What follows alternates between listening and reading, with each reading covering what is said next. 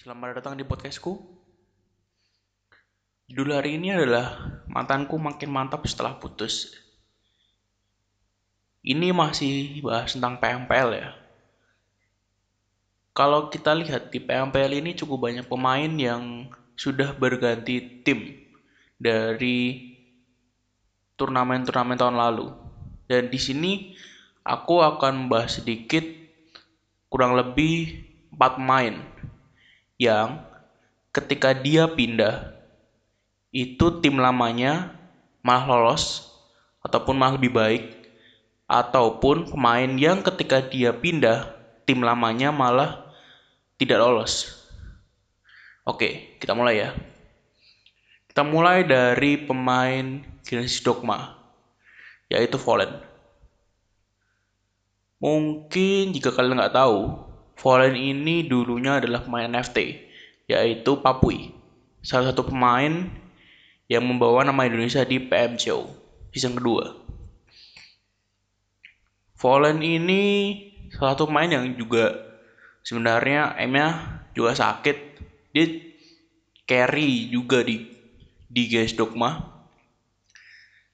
Tapi bisa kita lihat ya bahwa performa Genis Dogma ketika PML masih naik turun bahkan mereka nggak lolos ke grand final. Kita cukup sering melihat di Killfit ke, sekali garis dogma rotasi tiba-tiba langsung habis semua. Jadi biasanya mereka terwipe ketika mereka rotasi ataupun tinggal menyisakan beberapa pemain. Dan menurutku itu PR juga sih bagi garis dogma. Dan kita lihat tim lamanya si Fallen atau Papu ini yaitu NFT dengan pemain yang cukup baru sebenarnya kecuali Mas Gaga sama Liquid. NFT lolos ke grand final. Ya walaupun nggak sampai bawa nggak nah, sampai mencapai tiga besar tapi itu at least cukup bagus lah. Jadi ya mungkin Fallen bisa dibilang pilihan yang cukup risky sih main main di Gen Sukma tapi mungkin jika next bisa di improve lagi mungkin performa Gen Sukma bisa lebih baik. Karena chemistry-nya mungkin belum dapat aja di Gen Sukma oke selanjutnya ada Zekate sekarang dia bermain untuk EVOS. Jika kalian ingat dahulu dia bermain untuk Boom. Boom Hydra. Ketika masih zamannya ada tiga tim PUBG di Boom, Boom Boom Hydra, Boom Kraken, sama satu lagi Boom yang dulu pemainnya RRQ Capcom. Nah, sejak reshuffle di Boom, tim tiga tim ini di, dijadikan hanya dijadikan satu tim dan beberapa beberapa pemainnya dilepas dan salah satunya adalah Jekin ini. Jekin ini dulu Boom Hydra bermain bersama juga dengan Fokker. Dan ya ketika kita lihat Boom Hydra ya itu performanya nggak terlalu bagus dan jarang juga kita lihat mereka nongol untuk angkat piala. Lalu Zeken pindah ke EVOS. Di EVOS pun performanya juga performa EVOS-nya sendiri masih naik turun juga. Bahkan mereka tipis nggak bisa masuk ke grand final PMPL. Padahal EVOS ini salah satu tim yang punya nama besar di dunia PUBG M ya, di, di scan kompetitif PUBG M. Dan coba kita lihat tim lamanya si CK ini. Boom. Setelah reshuffle tim dari tiga tim itu menjadi hanya satu tim, performanya jauh meningkat. Bahkan kita melihat nama-nama baru, sebenarnya nggak baru sih, sebenarnya nama lama, cuma baru baru kelihatan aja yaitu Fokker sama Good Goodin Eston. Kalau nggak tahu Goodin S itu dia dulu adalah pemainnya Boom Kraken. Nama nickname-nya itu Boom Eston ya. Sekarang ganti menjadi Goodin S nggak salah. Nah, kenapa bisa jadi padahal kalau dilihat Zekin ini udah trial di EVOS sudah cukup lama ya. Bahkan sebelum PMPL dimulai dia juga udah trial di sana. Dan ya apalagi EVOS baru aja kehilangan dua pilar utamanya pada saat itu yaitu Jaxi dan juga Jackhead. Dan Auro yang akhirnya sekarang juga keluar dari EVOS kehilangan beberapa pemain dan masukkan pemain baru membuat EVOS masih kelimpungan dan menurutku wajar wajar untuk saat ini jika mereka gagal lolos grand final. Mungkin dengan chemistry yang lebih baik,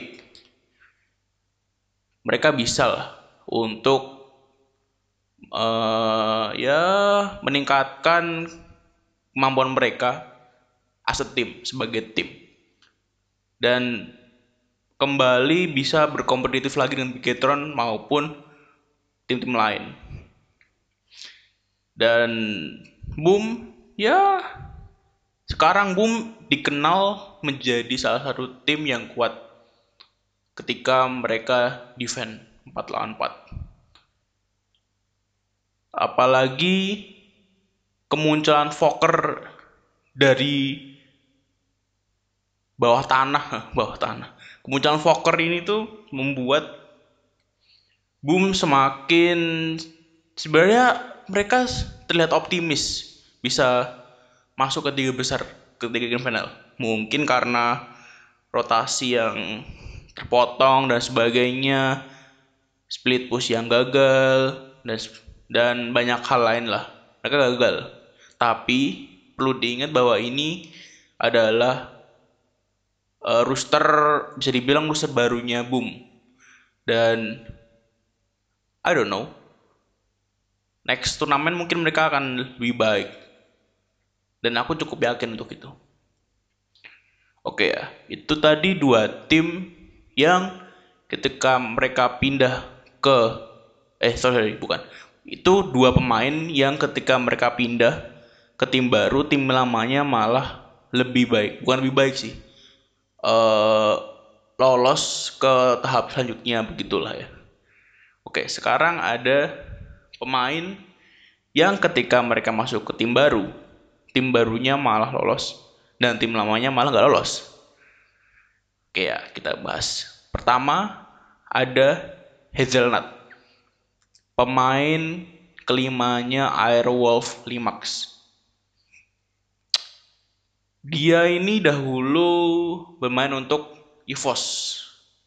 Tapi bisa kita lihat ya, semenjak dia masuk ke EVOS dia jarang sekali dimainkan di turnamen-turnamen besar dan saya ingatku cuma ada satu turnamen ketika dia bermain. Uh, correct me if, if I wrong. Itu nggak salah di PNC 2019 kalau nggak salah. Setelah itu dia jarang dibawa ke turnamen-turnamen besar bahkan ketika turnamen di Dubai dia tidak dibawa dan EVOS membawa KZ dan meminjam minjam hijrah nggak salah itu. Ya pokoknya pokoknya Zealand gak dibawa lah.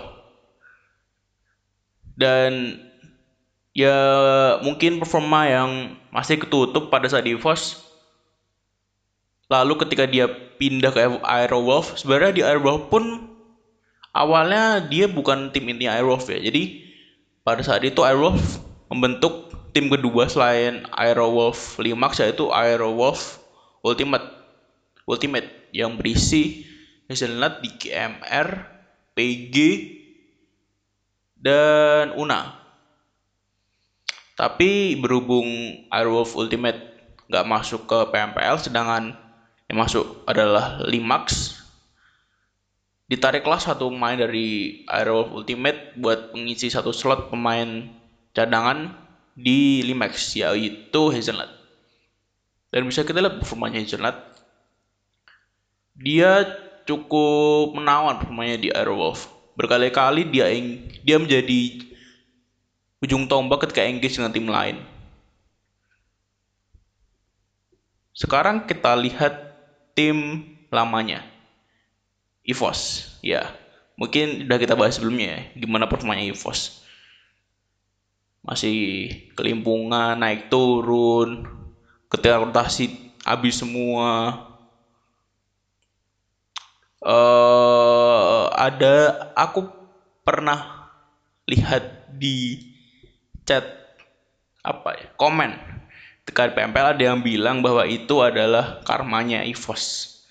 Karena telah me mencam apa ya bahasanya mencampakkan Hazelnut itu bukan bukan aku yang bilang ya. Cuma aku baca aja di chat komen ketika nonton PMPL ya bisa dibilang begitu. Bisa dibilang nggak juga karena bagaimanapun performa sebuah tim hanya bergantung pada satu main juga sih. Oke ini main terakhir. Main yang menurutku cukup fenomenal. Yaitu Alf Alfirlo. Pemain barunya Onik. Alfirlo ini nggak salah udah dibawa Onik sejak turnamen DGL bagi yang tidak tahu Alfirlo ini adalah mantan pemainnya Bahampas. Bahkan di IG-nya pun dia masih ada fotonya ketika bermain untuk Bahampas cukup mencengangkan sebenarnya. Onik kita lihat ke langsung kita lihat performa kedua tim ya. Onik dan Bahampas. Onik tim yang sejak sejak dahulu sudah solid dengan set setup offense dan setup defense yang bagus walaupun kadang naik turun juga performanya. Tapi Onyx stabil.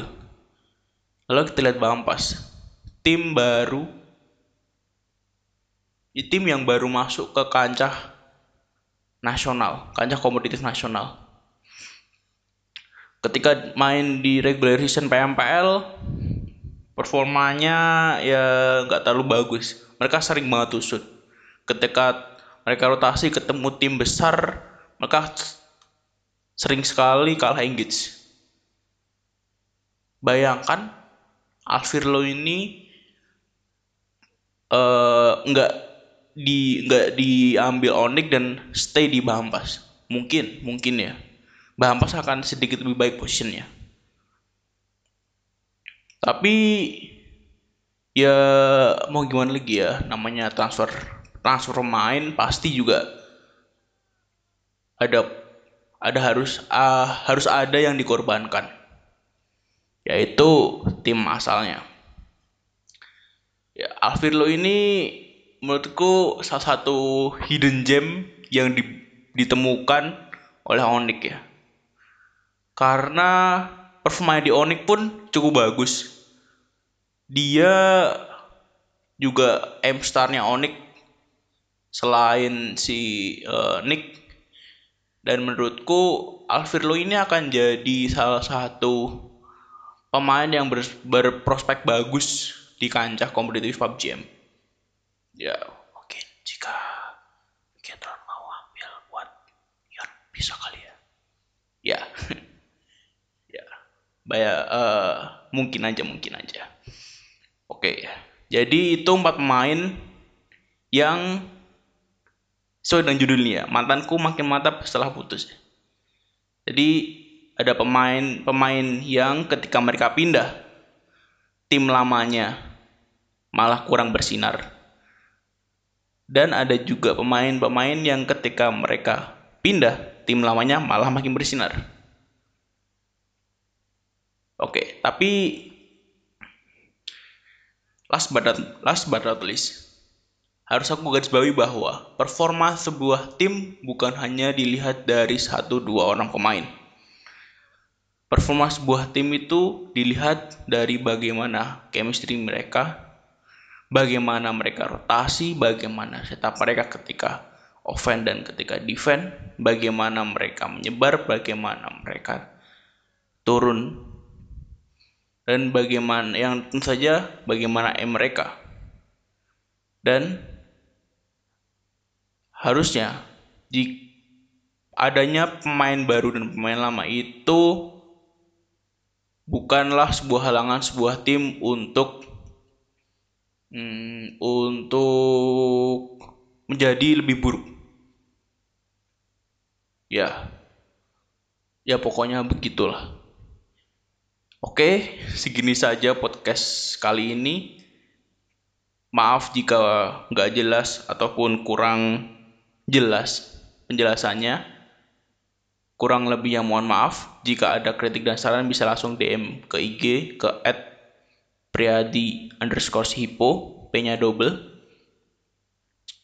Segini saja. Thanks and see ya.